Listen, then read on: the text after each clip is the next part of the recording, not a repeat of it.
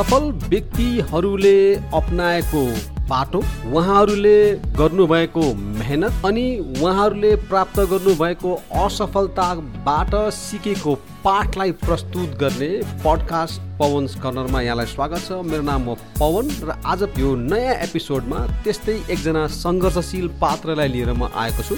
नेपाली साङ्गीतिक क्षेत्रमा उहाँको नाम लिने बित्तिकै थप चर्चा गरिरहनु पर्ने आवश्यकता पर्दैन। उहाँको नाम नै काफी छ। अझ विशेष गरी यो पप जनरमा उहाँको छुट्टै छाप रहेको छ र त्यस्तो कलाकारले गर्नु परेको सङ्घर्ष आफ्नो घरभित्र घर बाहिर र हासिल गर्नुभएको सफलताको कथा आज सुनाउने मैले जमर्को गरेको छु। उहाँ को हुनुहुन्छ भन्ने बारेमा तपाईँलाई म एउटा क्लु दिन्छु। उहाँले गाउनुभएको एउटा मिठो गीत केही समयमा म बजाउँछु।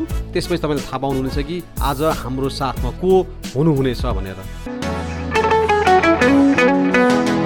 तिम्रो नयनले हेर्दा छड्के हेराइले गर्दा घायल बनायो मलाई। लट्ठै बनायो मलाई। तिम्रो नयनले हेर्दा छड्के हेराइले गर्दा घायल बनायो मलाई।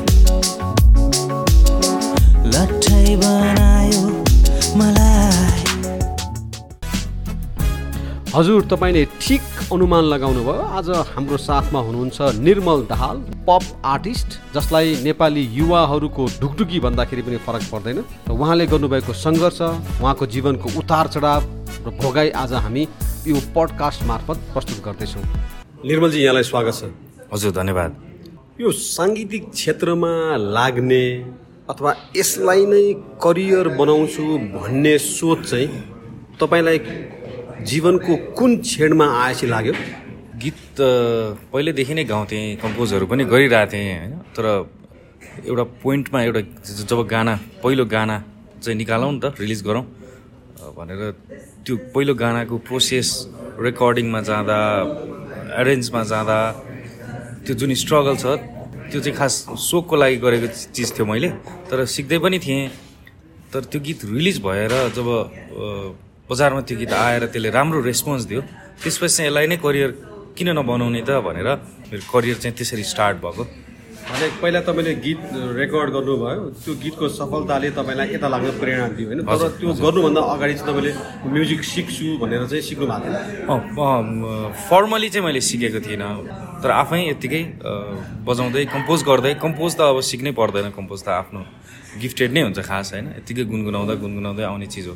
तर फर्मल क्लास चाहिँ ल्याएको थिइनँ सिधा भन्दाखेरि। नेपाली साङ्गीतिक क्षेत्रको अन्य विधाहरूभन्दा यो पप विधा अलिक बढी हुन्छ नि चर्चित चर्चाको हिसाबले अथवा तपाईँको चाहिँ फ्यान फलोइङको हिसाबले पनि यो अलिक सजिलो विधा हो भनेर भन्छन् होइन। तर यसभित्र पनि त टिकिरहनु त गाह्रो होला नि होइन तपाईँको अनुभव कस्तो छ? गाह्रै छ यो पप भनेको खास बालाड्स हो। यो संसारभरि चलेको बालाड्सहरू चाहिँ मेलोडी र सुन्न पनि सजिलो गाउन पनि सजिलो खालको गीत हो जस्तो वेस्टर्नदेखि यो फर्मेट निक्लेको हो जस्तो सजिलै लाग्छ अब हामीलाई चाहिँ गाउन पनि सुन्न पनि सजिलो भएको कारणले गर्दा। पपुलर भयो। पपुलर भयो यो गीत। र अडियन्सले पनि त्यही भएर मन पराइरहेको जस्तो लाग्छ मलाई चाहिँ। करियर क्राफ्ट चाहिँ जहिले पनि त्यो त्यसको चाहिँ अप्स एन्ड डाउन्स हुन्छ भनेर भन्छ होइन। तपाईँले तपाईँले त्यस्तो कहिले फेस गर्नुभयो? अवश्य दाइ स्टार्टिङमा त मान्छेले चिनोस् जस्तो लाग्छ। अलिक धेरै चिनेपछि अलिक आफ्नो तरिकाले सङ्गीत गरौँ जस्तो लाग्छ। कति अडियन्सले यस्तो खालको गीत गाउनु न भन्छ कति अडियन्सले यस्तो किन नगाएको भन्छ अर्को कोहीले फेरि कहिले रिलिज हुन्छ तपाईँको गाना भन्छ हुन्छ नि? यस- यसरी चाहिँ यस्तै हुन्छ। त्यो त्यो त एउटा कुरा हो होइन? आफ्ना प्रशंसकहरूले आफ्ना फलोवर्सहरूले फ्यानले दिने चाहिँ एउटा त्यो रेस्पोन्स भन्ने कुरा एउटा हो। तर घर परिवारलाई नै म म्युजिकमा करियर बनाउँछु भनेर कन्भिन्स गर्न चाहिँ तपाईँको लागि कतिको गाह्रो थियो काम? त्यो एकदमै गाह्रो थियो एकदम गाह्रो थियो एउटा पोइन्टसम्म। जुन बेलासम्म स्ट्रगल भइरहेको हुन्छ एक दुईवटा गीत बजारमा आउँदैन रेस्पोन्स आउँदैन। एउटा एक दुईवटा गीत हिट भएपछि पत्र पत्रिकामा नामहरू आएर सोजहरूबाट अलिअलि पैसा कमाएपछि चाहिँ ए हुँदो रहेछ भनेर कन्भिन्स हुन्छ। यो प्रायः सबैजनाको रियालिटी यही होला प्रोभाब्ली तपाईँले चाहिँ आफ्नो फोटो अथवा नाम पत्रिकामा चाहिँ पढ्दाखेरिको फर्स्ट तपाईँको रियाक्सन कस्तो रह्यो त? एकदमै रमाइलो। म्युजिकै कारणले गर्दा आफ्नो इन्फर्मेसन भनौँ न मेरो त फर्स्टमा त इन्फर्मेसन आएको थियो। गीत रिलिज भयो निर्मल दाहालको भनेर। त्यो आउँदा आफूलाई खुसी लागिहाल्छ दा यो पब्लिकमा गयो। टिभीमा गीत बज्दाखेरि पहिलोचोटि बज्दाखेरि पनि यस्तै अनुभव भएको थियो मलाई। र जस रमाइलो।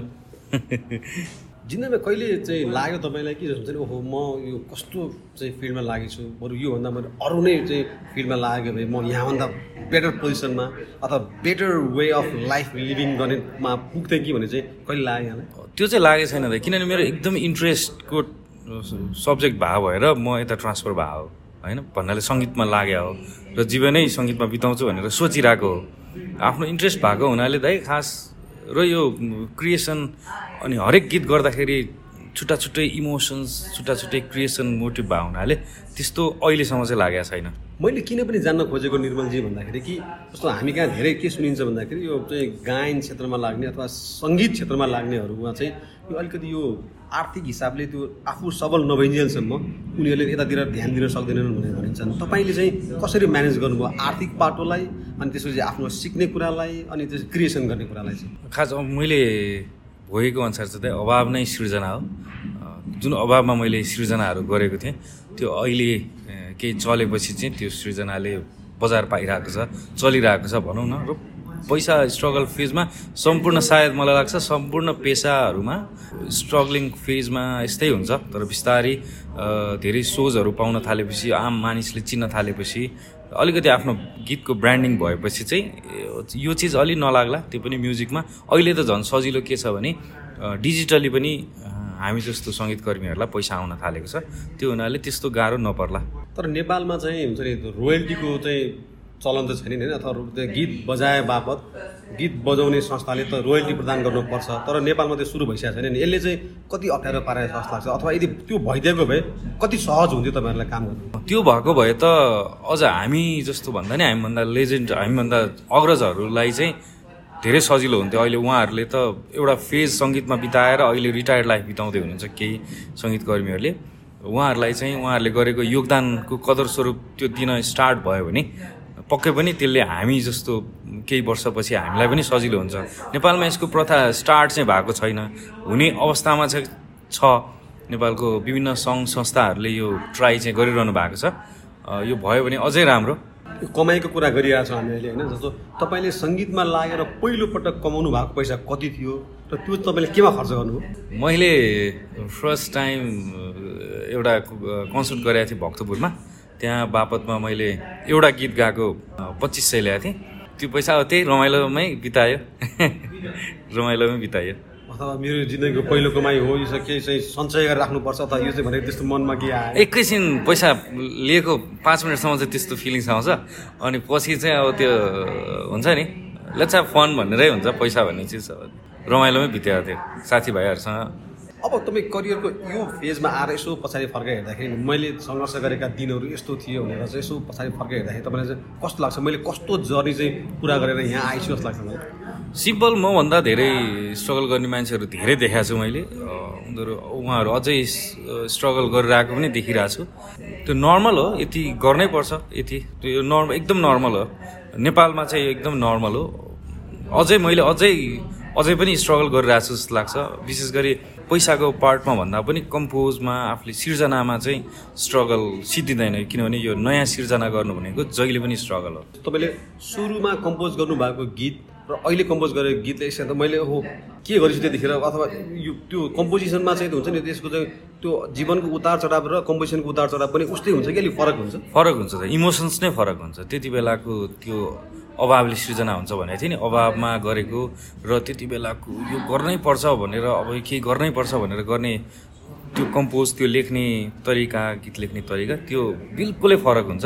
अहिले आउँदा अब प्रेसरले पनि अलिकति कमर्सियलाइज गाना गर्ने कि भन्ने चिज हुन्छ। अडियन्सको इन्ट्रेस्ट केमा छ त्यो पनि रिसर्च हुन्छ। पहिला गर्दा चाहिँ आफ्नो इन्ट्रेस्टमा गरिन्थ्यो भने अहिले चाहिँ दर्शकहरू श्रोताले के सुन्न चाहन्छ त्यो खालको उसमा पनि फरक पर्छ। अभावको कुराकानी गरिहाल्नुभयो होइन तर दबाब चाहिँ कति हुन्छ? जस्तो मेरो पछिल्लो क्रिएसनभन्दा अब नयाँ क्रिएसन चाहिँ झन् बढी चाहिँ राम्रो गर्नुपर्ने अथवा उम्दा गर्नुपर्ने भने दबाब चाहिँ कति हुन्छ? राम्रो त्यो ट्राई त गरेर हुन्छ त अब भन्नाले कम्पोजमा पनि गरेर हुन्छ लिरिक्स लेख्दा पनि केही चेन्ज पहिला गीतमा यस्तो भएको थियो अब गरौँ भनिन्छ अहिले चाहिँ अब म्युजिकल्ली पनि कस्तो बाजा राख्ने अरेन्ज गर्दाखेरि के के इलिमेन्ट्सहरू युज गर्ने? भन्नाले त्यो फरक त पर्छ त हरेक नयाँ गीतमा नयाँ केही गर्ने प्रयास चाहिँ प्रायः सबैको हुन्छ होला मेरो पनि छ। अबको केही समयपछि निर्मल दाहाललाई हामीले नेपाली साङ्गीतिक क्षेत्रमा कुन अवस्थामा पाउँछौँ हामी? यही लडिरा भिडिरा गीत गाएर गीत बनाइरहेको यस्तै अवस्थामा पाइन्छ होला। योभन्दा बढी त के हुन अब अन्त्यमा हजुर। जो नेपाली साङ्गीतिक क्षेत्रमा आफ्नो करियर पर्सु गर्नलाई आउन खोज्दै हुनुहुन्छ युवाहरू उहाँलाई चाहिँ तपाईँ कस्तो सुझाव दिनुहुन्छ? अब नयाँ पुस्तालाई चाहिँ के भन्छु भने अ, समय आउँछ प्र्याक्टिस चाहिँ गर्दै गर्नुहोस्। गर्दै गर्नुहोस् आफ्नो गीत गर्नुहोस् रेकर्डिङमा जानुहोस् सिक्नुहोस् बजारमा चाहिँ आउनुहोस्। एक दिन आउँछ सबैको। मेहनत चाहिँ गर्न छोड्नु मेहनत चाहिँ गर्नु पऱ्यो किनभने हामीले पनि त्यही गरिरहेछौँ। गर्थ्यौँ पहिला पनि अहिले नै गरिरहेछौँ। पछि नै गर्दै गर्छौँ। एटलिस्ट सिक्नुहोस् र गर्नुहोस्। तपाईँ चाहिँ कसलाई हेरेर सिक्नुहुन्छ? नेपाली साङ्गीतिक क्षेत्रमा। नेपालीमा चाहिँ अब मैले भन्दा चाहिँ विशेष गरी मेरो लगाव पप गीतमा भएको रिजन चाहिँ जस्तो सञ्जय श्रेष्ठ दाई नवीन के भट्टराई दाई सुगम पोखरेल दाईहरू यो जेनेरेसनले गर्दाखेरि चाहिँ म यो म्युजिकमा आएको भएर म प्रायः उहाँहरूको गीत चाहिँ गुनगुनाइरहेको हुन्छु सिकिरहेको हुन्छु उहाँहरूको गीतबाट शब्दबाट कसरी एरेन्ज गर्नुभयो त्यो चिजबाट चाहिँ सिकिरहेको हुन्छु उहाँहरू नै हो मेरो इन्सपिरेसन चाहिँ। धन्यवाद हामीलाई समय दिनु निर्मलजी। धन्यवाद दाई। सम्झाइ बुझाइ गर्दा नि यो मन मान्दैन।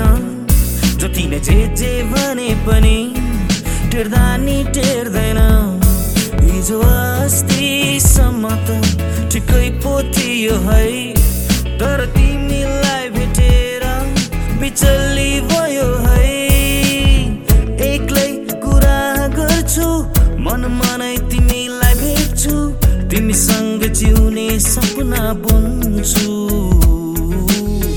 गीतमा तिम्रै नाम खोजिरहन्छु म त।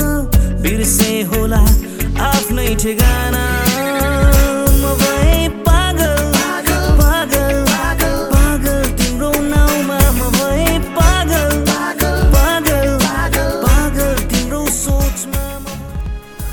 उहाँ नेपाली पप आर्टिस्ट निर्मल दाहाल। र उहाँले आफ्नो साङ्गीतिक क्षेत्रमा लाग्नका लागि गर्नुभएको कडा मेहनत अथक परिश्रम घर परिवारदेखि समाजमा समेत छुट्टै र अमिट छाप छोड्न सफल हुनुभएका त्यस्ता कलाकारको जीवनबाट हामी के सिक्न सक्छौँ भन्ने बारेमा आज हामीले छोटो उहाँसँग कुराकानी गऱ्यौँ आगामी हप्ता यस्तै सङ्घर्षशील पात्रहरूको जीवनीलाई लिएर फेरि पनि आउने नै छौँ।